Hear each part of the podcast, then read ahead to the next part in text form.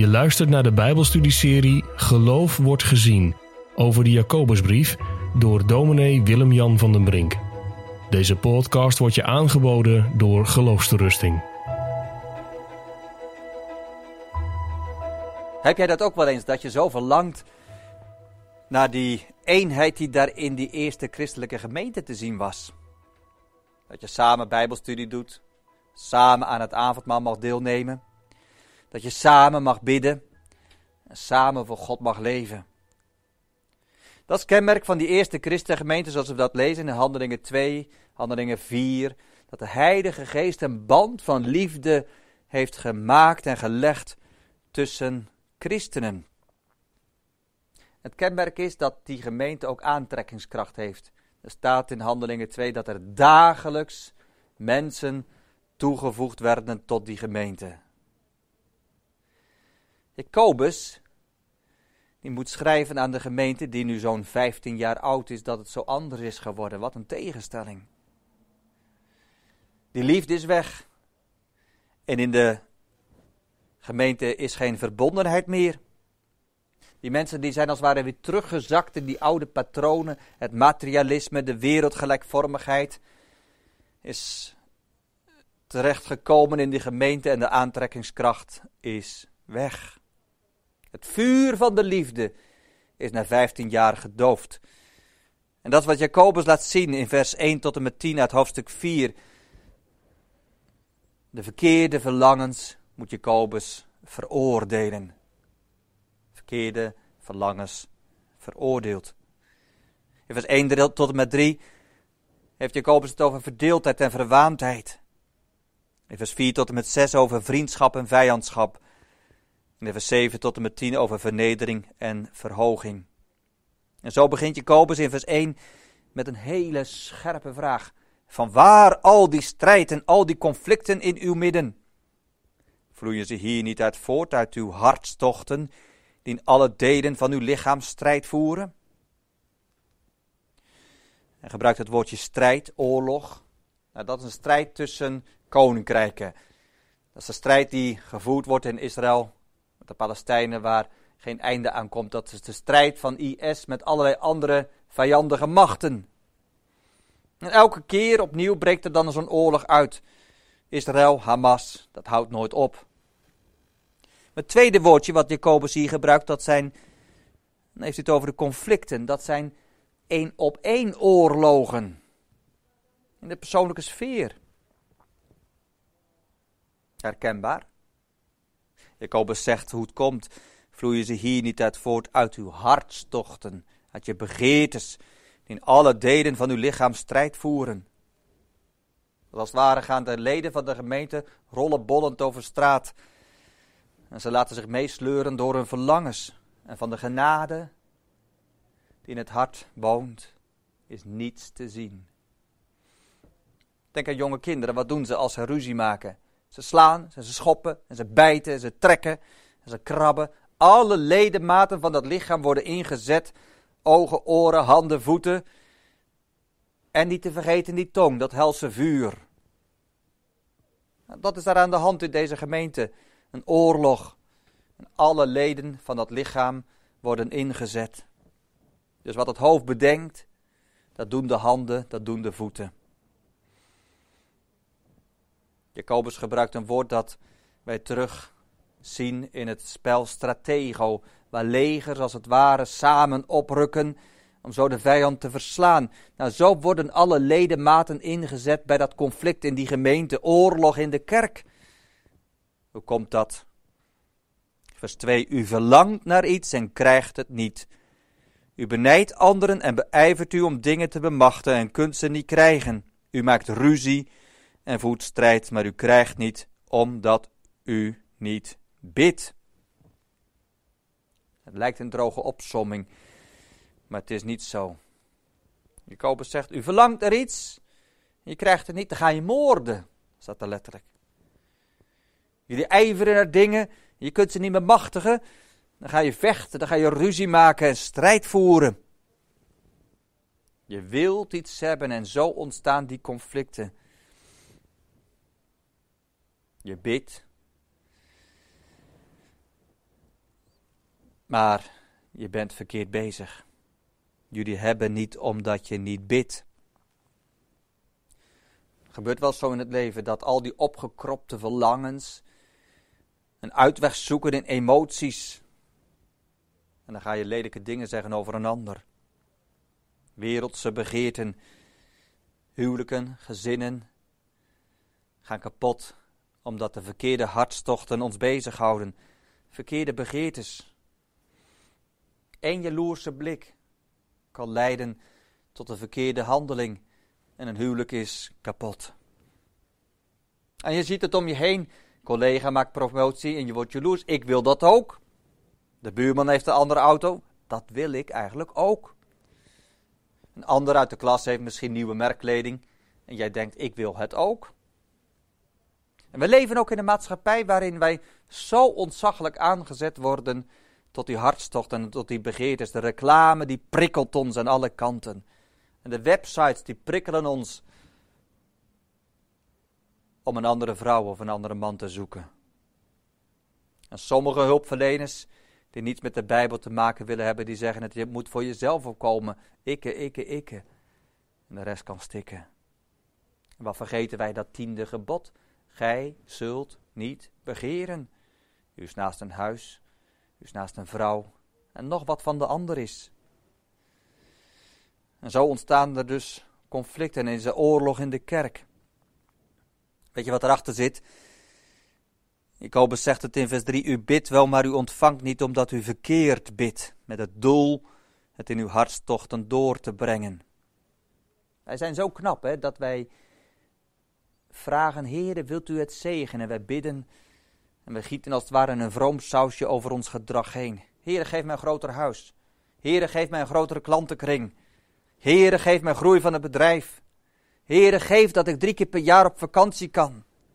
En Heere, geef mij financiële zekerheid voor mijn kinderen. En Heere, geef me straks een goed pensioen.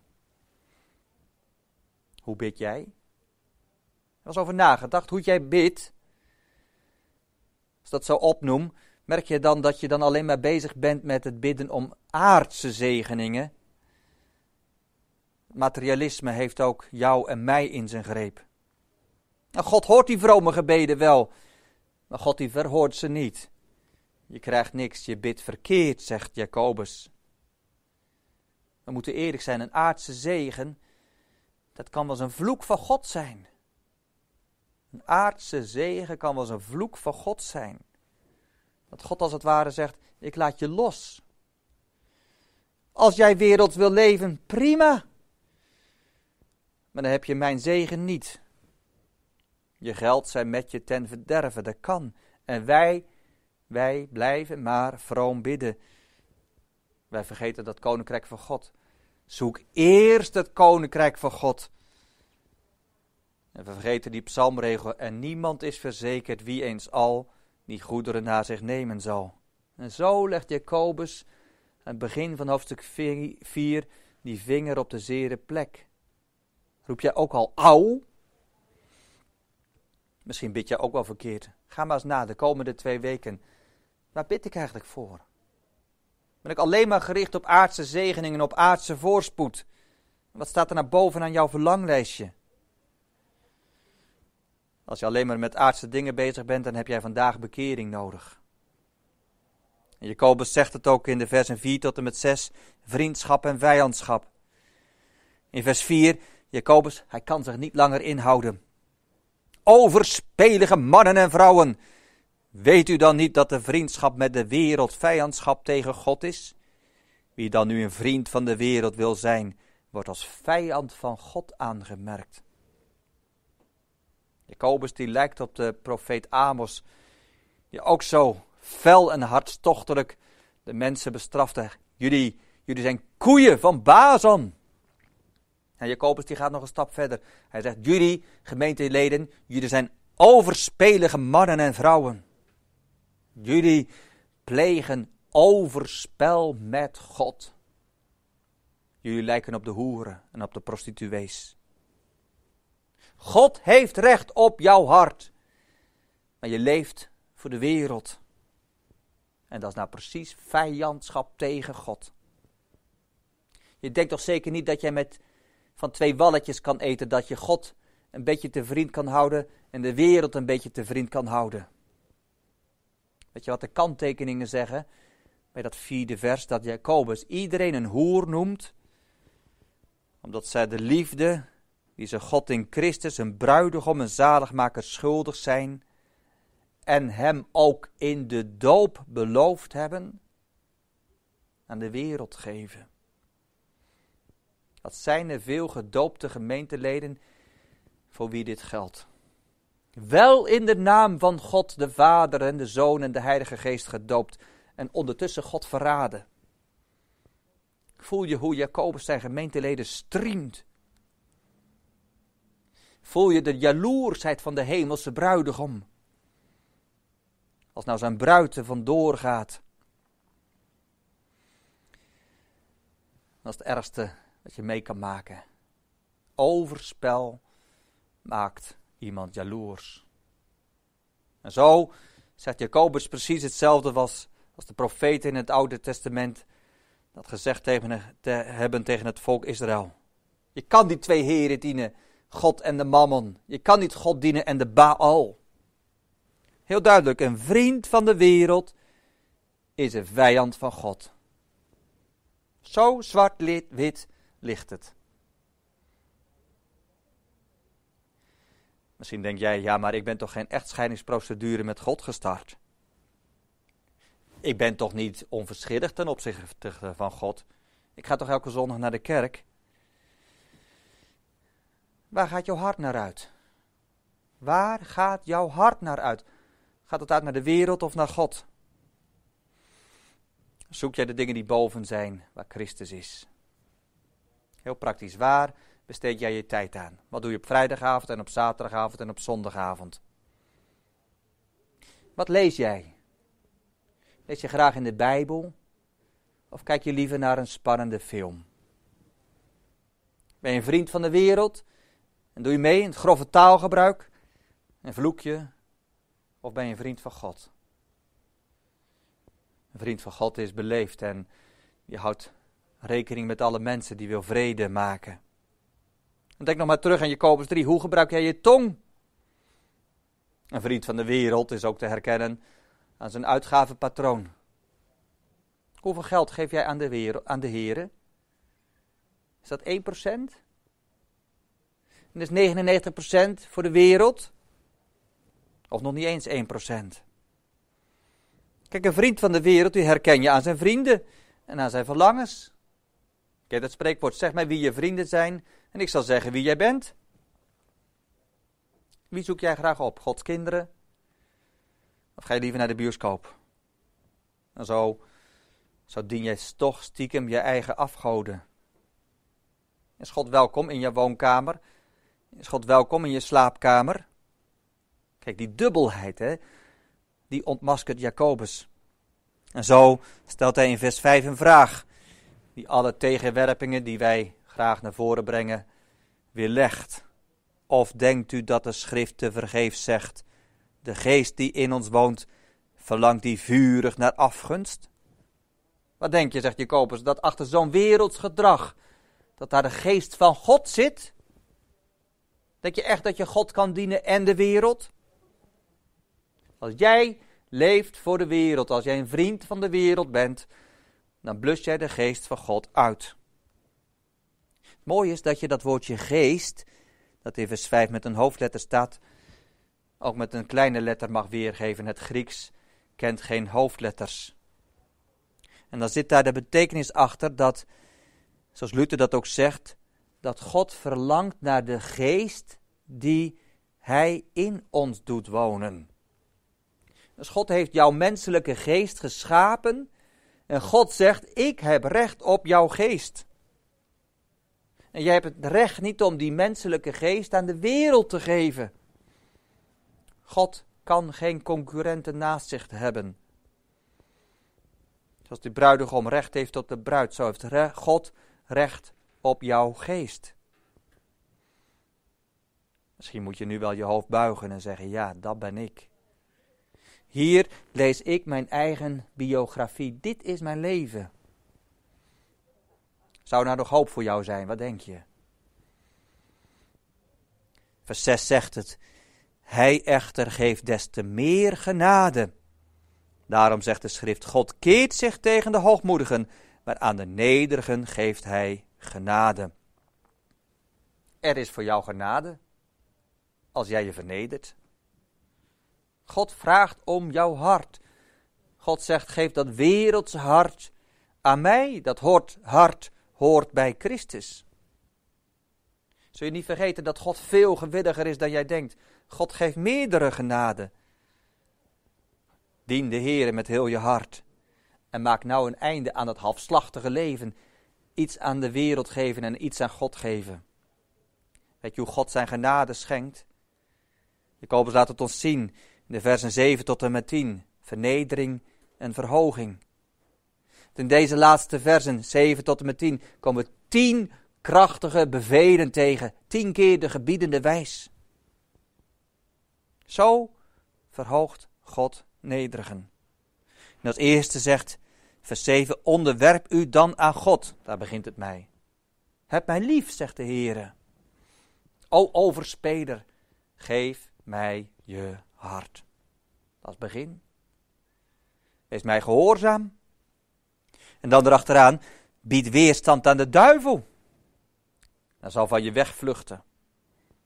Vecht jij tegen de duivel en blus jij die vurige pijlen uit die de boze op je afschiet met het schild van het geloof? Gebruik je je tong voor God en gebruik je je tong niet als een hels vuur voor de duivel? Vecht tegen Gods grote tegenstander. Dat is tweede. Derde, nader tot God. Zegt Jacobus. En hij zal tot u naderen. Denk maar aan die gelijkenis van de jongste zoon. Keer terug tot God. Keer terug tot de vader. En die vader die keek elke dag of zijn jongste zoon er al aankwam. En toen hij hem zag, hij rende naar hem toe. Prachtig beeld. Nader tot mij, zegt God, en dan zal ik tot jou naderen. Nader tot God in het gebed. Nader tot God in zijn huis. Het vierde wat Jacobus zegt, het vierde bevel. Kom met reine handen, reinig de handen, zondaars. Denk aan de rituelen van het Joodse volk. Voordat een priester zijn dienstwerk mocht gaan doen, moest hij de handen reinigen. En voor het volk naar de grote feesten mocht gaan, moesten zij zich reinigen. Jij hebt reine handen nodig. Conflicthanden, oorlogshanden, dat gaat niet samen met reine handen. Jouw handen moeten gevouwen worden. Jouw handen moeten rein worden in het bloed van Christus. Vijfde, zuiver de harten dubbelhartigen. Jacobus zegt, hou nou eens op met die gespletenheid, met die dubbelhartigheid. Een rein hart en reine handen horen bij elkaar. Met je hart en met je handen moet je God gaan dienen. En dan het zesde, zevende en achtste. En hij gaat in één keer door. Besef nou hoe ellendig je bent. Reinig de harten hebben we gehad. Besef uw ellendige staat en treur en huil. Jacobus die zegt met die paar woorden precies hoe ellendig jouw toestand is. De ware vernedering voor God gaat niet buiten het kennen van je ellende om. Boetvaardigheid betekent treuren over je zonde. Dat is wat Jacobus zegt en, en ik geloof het vast. De geestelijke opwekking begint daar waar we ons vernederen voor de Heer. Dat je beseft, ik heb de Heer altijd tekort gedaan. Het zij dat gij eet, het zij dat gij drinkt, het zij dat gij iets anders doet. Doet het allemaal tot eer van God. Heb je God nodig? Besef je ellendige staat en treur en heil. Negende, Laat uw lachen veranderd worden in treuren en uw blijdschap in droefheid. Misschien denk je, mag je dan niet meer lachen? Jacobus heeft het hier over de lach van de wereld. Er zijn heel veel mensen die lachen om het dienen van de Here. Maar heel veel mensen lachen ten diepste ook een oerangst voor de dood weg. Laat maar eerlijk zijn, bij de dood valt niet te lachen. En we zien het aan die ceremonie, als daar die vliegtuigen, de Oekraïne, met die menselijke resten aankomen. Daar wordt niet gelachen. Wij zijn eerbiedig voor de dood. Jacobus verwijst, denkt aan die lach van de dronkenschap en de lach van de wereld en de lach van de dans. Jacobus zegt, dat lachen, dat moet veranderen in treuren. Mijn jonge vriend, de blijdschap van de wereld is geen echte blijdschap. Er komt een einde aan. Die in de hemel woont, die zal lachen. De Heere zal jou bespotten. Roep het maar uit met de tollenaar. O God, wees mij zondaar genadig. En dan het tiende. Verneder u voor de Heere en hij zal u verhogen. Dat is een bevel met een belofte. Verneder je voor de Heere. Hij zal je verhogen. Kijk, dat is nou het evangelie voor boetvaardige zondaren. Het is prachtig zoals Jacobus hier zijn eigen broer, de Heer Jezus, naspreekt. Dat zegt de Heer Jezus aan einde van die gelijkenis van die fariseer en tollenaar. Hij zegt dit, want een ieder die zichzelf verhoogt, die zal vernederd worden. Maar die zichzelf vernedert, die zal verhoogd worden. Zie je het? Vernedering leidt tot verhoging. Als het waar, zalig zijn die treuren, zij zullen vertroost worden. Zalig zijn de reinen van hart, zij zullen God zien. Zalig zijn de vreedzamen, zij zullen Gods kinderen genaamd worden.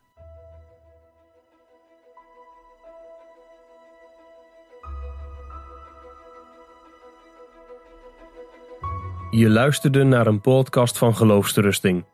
Wil je meer luisteren, lezen of bekijken?